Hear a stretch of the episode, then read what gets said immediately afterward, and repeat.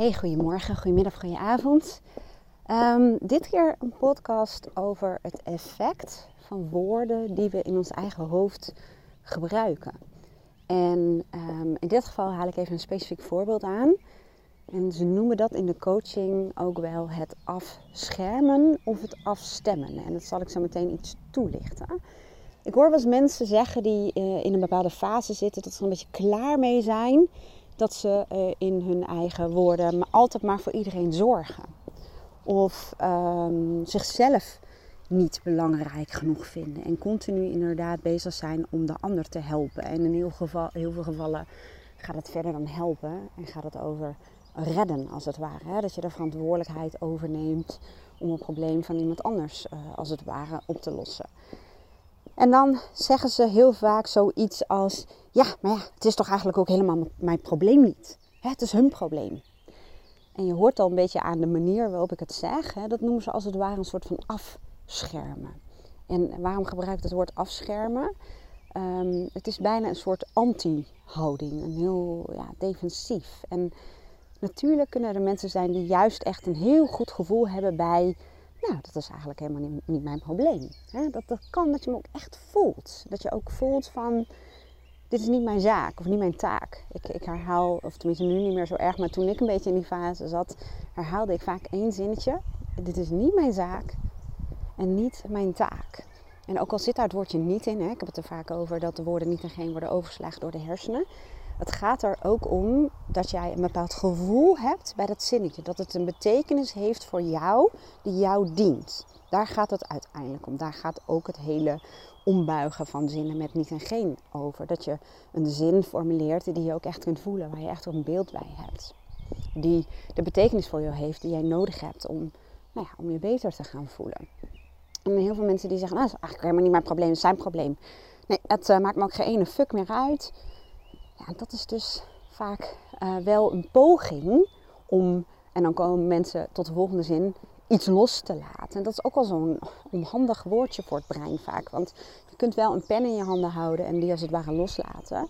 Maar um, iemand loslaten of um, de verantwoordelijkheid loslaten, dat is een lastig concept van ons brein. Ik spreek dan meer in woorden als de ander de ruimte geven om hè, zelf uh, tot oplossingen en inzichten te komen. En voor jezelf ook jezelf de ruimte geven om je aandacht te richten op datgene wat jou goed gevoel geeft, datgene wat jou uh, invloed geeft. En als we nou teruggaan naar dat zinnetje van het is niet mijn probleem. Vaak zit het verlangen bij die mensen er niet per se in om afstand te nemen van een bepaalde persoon. En heel vaak gaat het ook over personen die best wel dichtbij ze zijn. Het gaat hier erover dat je niet voor jezelf gaat zeggen: dat is niet mijn probleem.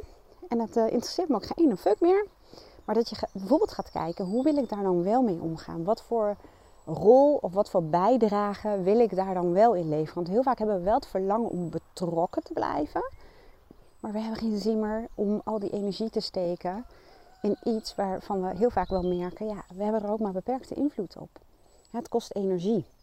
En dat is ook de verschuiving, noem ik altijd, van reddersrol naar meer een mentorrol. Je blijft wel betrokken, maar vanuit een andere positie. Ik heb daar ook een andere podcast over opgenomen, die ga ik wel even met je delen.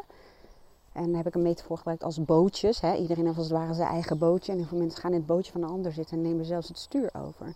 Maar als je in je eigen bootje gaat zitten en nog steeds dichtbij bent en betrokken bent, aanwijzingen geeft, je hebt ook een heel ander perspectief op iets of iemand vanuit, als het ware, de zijlijn, een afstandje.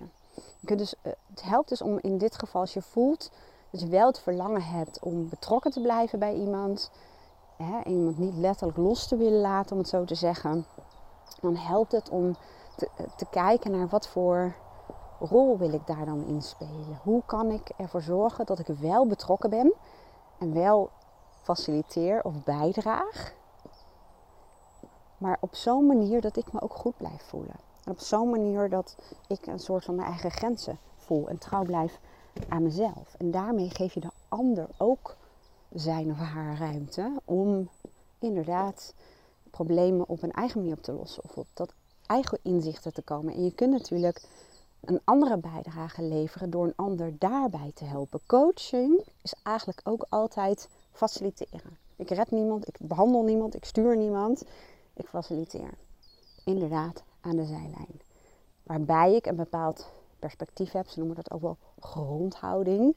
Waarbij ik heel erg oog heb voor wat al goed gaat. En heel erg oog heb voor iemands ja, potentie. En, en wat ja, iemands um, strategieën goed werken. Maar ik, ik help ook iemand om tot inzicht te komen en tot antwoorden die bij iemand zelf passen.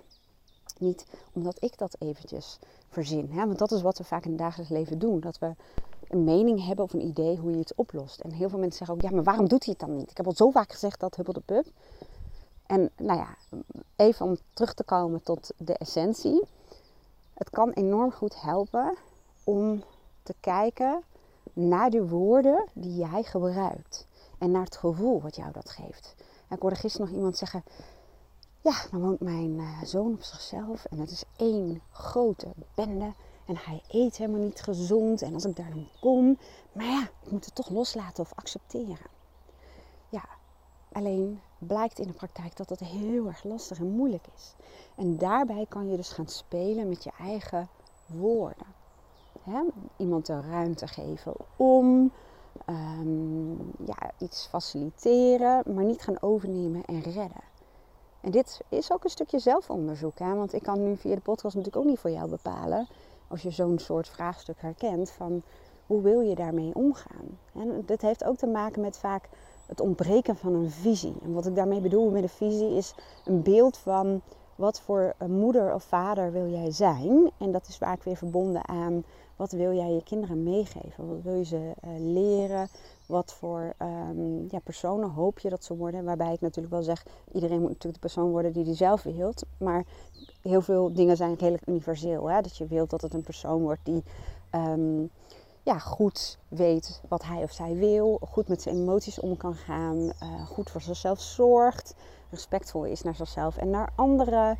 Um, ja, goed luistert naar zichzelf. Trouwens aan zichzelf. Dat zijn een beetje van die universele dingen.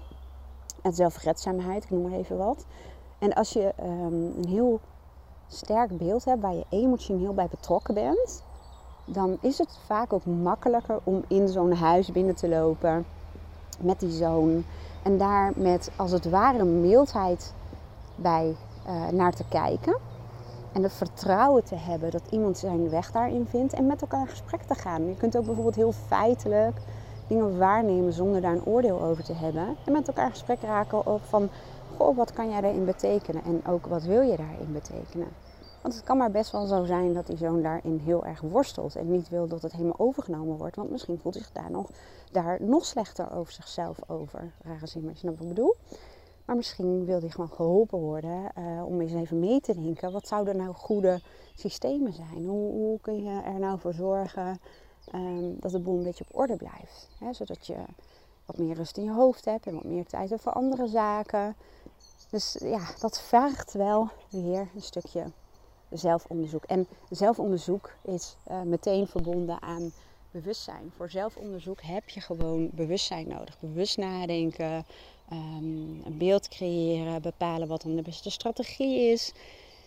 En dat, ja, daar heb je over het algemeen ook wel even wat tijd voor nodig. Dat komt niet vanzelf, anders neemt je onbewuste brein het over. En dan gaat je dag als het ware um, verlopen via een automatisch uh, patroon, zeg maar. Automatisch programma, de automatische piloot, dat woord zocht ik.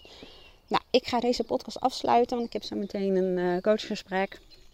En ik kan me voorstellen dat je denkt, hé, hey, um, dit triggert mij wel.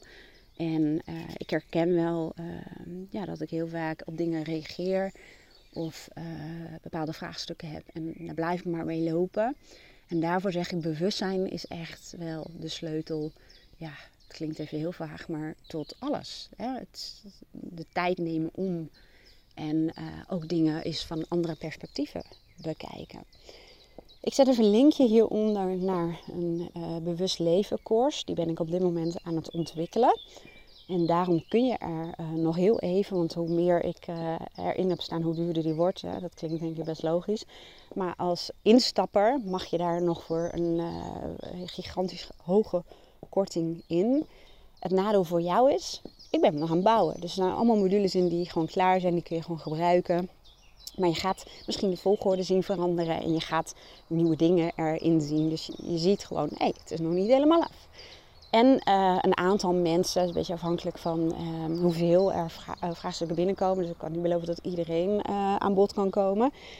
Maar um, je kunt ook nog aangeven waar je zelf mee zit. Hè? Wat, wat zijn jouw vraagstukken waar je mee loopt? Omdat ik dat vaak verwerk in de voorbeeld, praktijkvoorbeeld, om het zo te zeggen.